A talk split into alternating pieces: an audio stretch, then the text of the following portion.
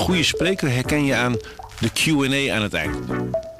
Onze lifehack-expert Martijn Aslander geeft je adviezen waar je echt wat aan hebt. Beluister en bekijk Martijn of een van onze andere experts op businesswise.nl. Businesswise, het nieuwe platform voor iedereen met ambitie.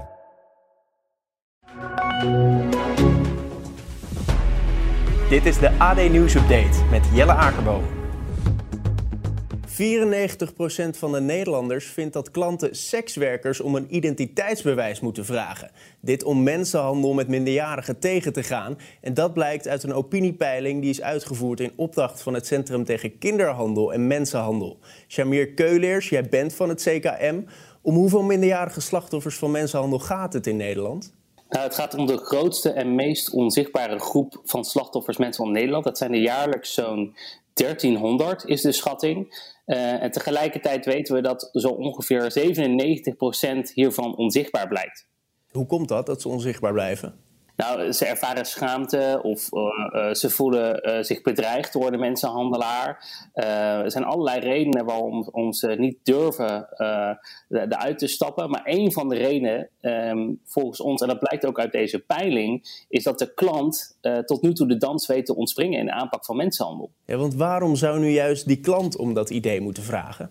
Nou, kijk, wij, wij, uh, uh, wat we zien is dat tot nu toe de mensenhandelaar uh, veel aandacht krijgt in de aanpak van mensenhandel. De aandacht is voor de zorg voor het slachtoffer. Maar eigenlijk degene die het criminele businessmodel financiert, dat is de klant. Ja. en zonder vraag geen aanbod. Dus als niemand meer wil betalen voor, betaal, voor seks met een minderjarige, ja, dan zal een slachtoffer niet meer uitgebuit worden. Zo simpel is het. Maar hoe ga je die klanten dan meekrijgen om ook daadwerkelijk die vraag te stellen? Nou, uh, kijk, zij zijn in principe strafbaar als ze betalen voor seks met een minderjarige. Maar tot nu toe, uh, ik zei het al net, weet de, dans, uh, weet de dans tot nu toe te ontspringen. Waar, waarom is dat? Nou, omdat de, de rechter zegt, nou, je was niet bewust op zoek naar seks met een minderjarige, dus je krijgt één dag en een taakstraf.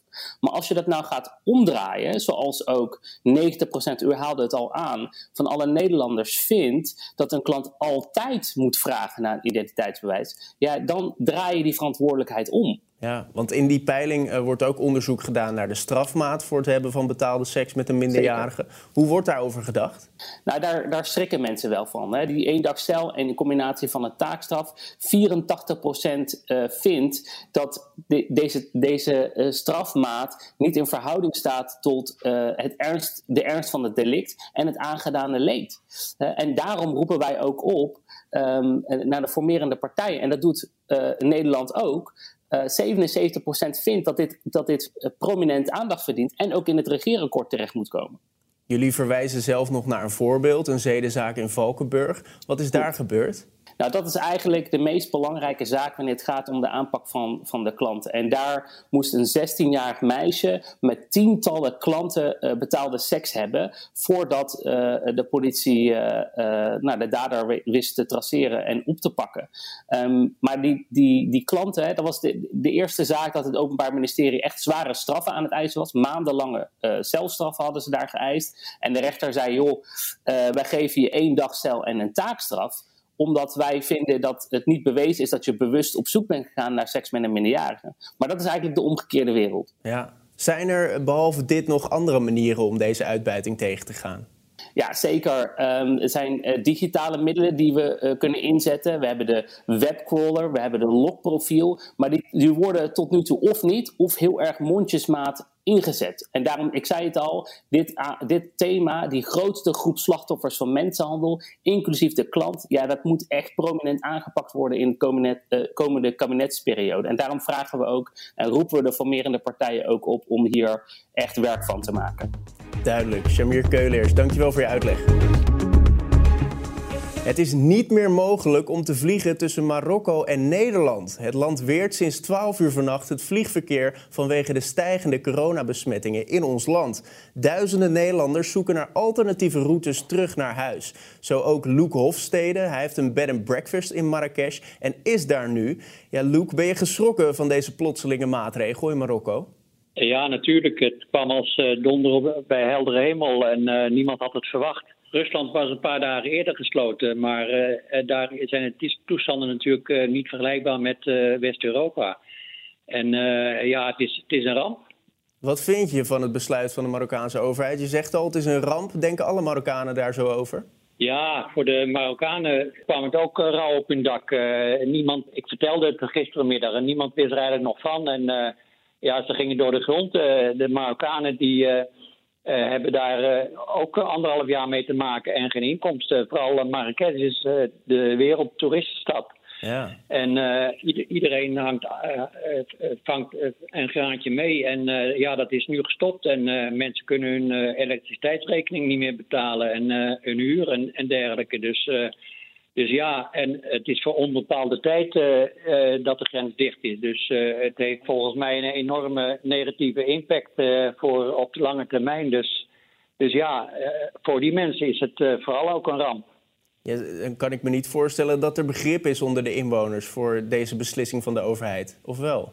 Ja, de overheid, zeg maar rustig. De koning, die zit er volgens mij, die, die heeft natuurlijk toch het alleenzeggenschap. En het is, de koning is hier heel populair, maar dat, dat maakt hem geen vrienden, nee. Ja, wat betekent dit eigenlijk voor jou, Ben Breakfast? Kijk, ik zeg altijd van ik doe het uh, voor de Marokkanen. En uh, Nederland heeft natuurlijk een beetje een, een eh, slechte bijklank wat betreft Marokko.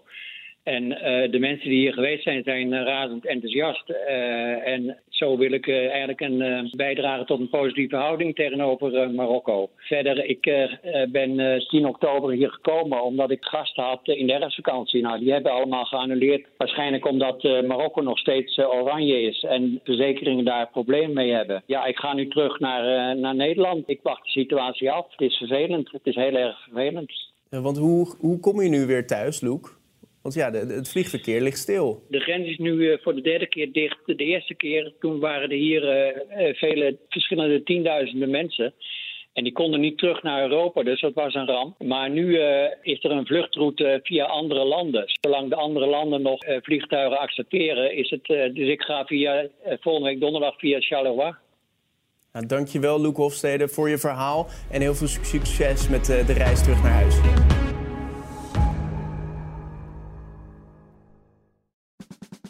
Luister ook naar onze podcast Politiek Dichtbij. In een half uur praten we hierbij over de stand van zaken op het Binnenhof. En niet alleen vanuit de wandelgangen in Den Haag, maar ook vanuit een regionaal perspectief. We zijn te vinden in onze app, op Apple Podcast en op Spotify. En wie zijn wij dan? Wij zijn Leonard Beekman en Tobias den Hartog. Mensen luisteren niet naar wat je zegt, maar kopiëren wat je doet. Onze vitaliteitsexpert Martin Hersman helpt je te focussen op wat echt belangrijk is. Beluister en bekijk Martin of een van onze andere experts op businesswise.nl. Businesswise, het nieuwe platform voor iedereen met ambitie.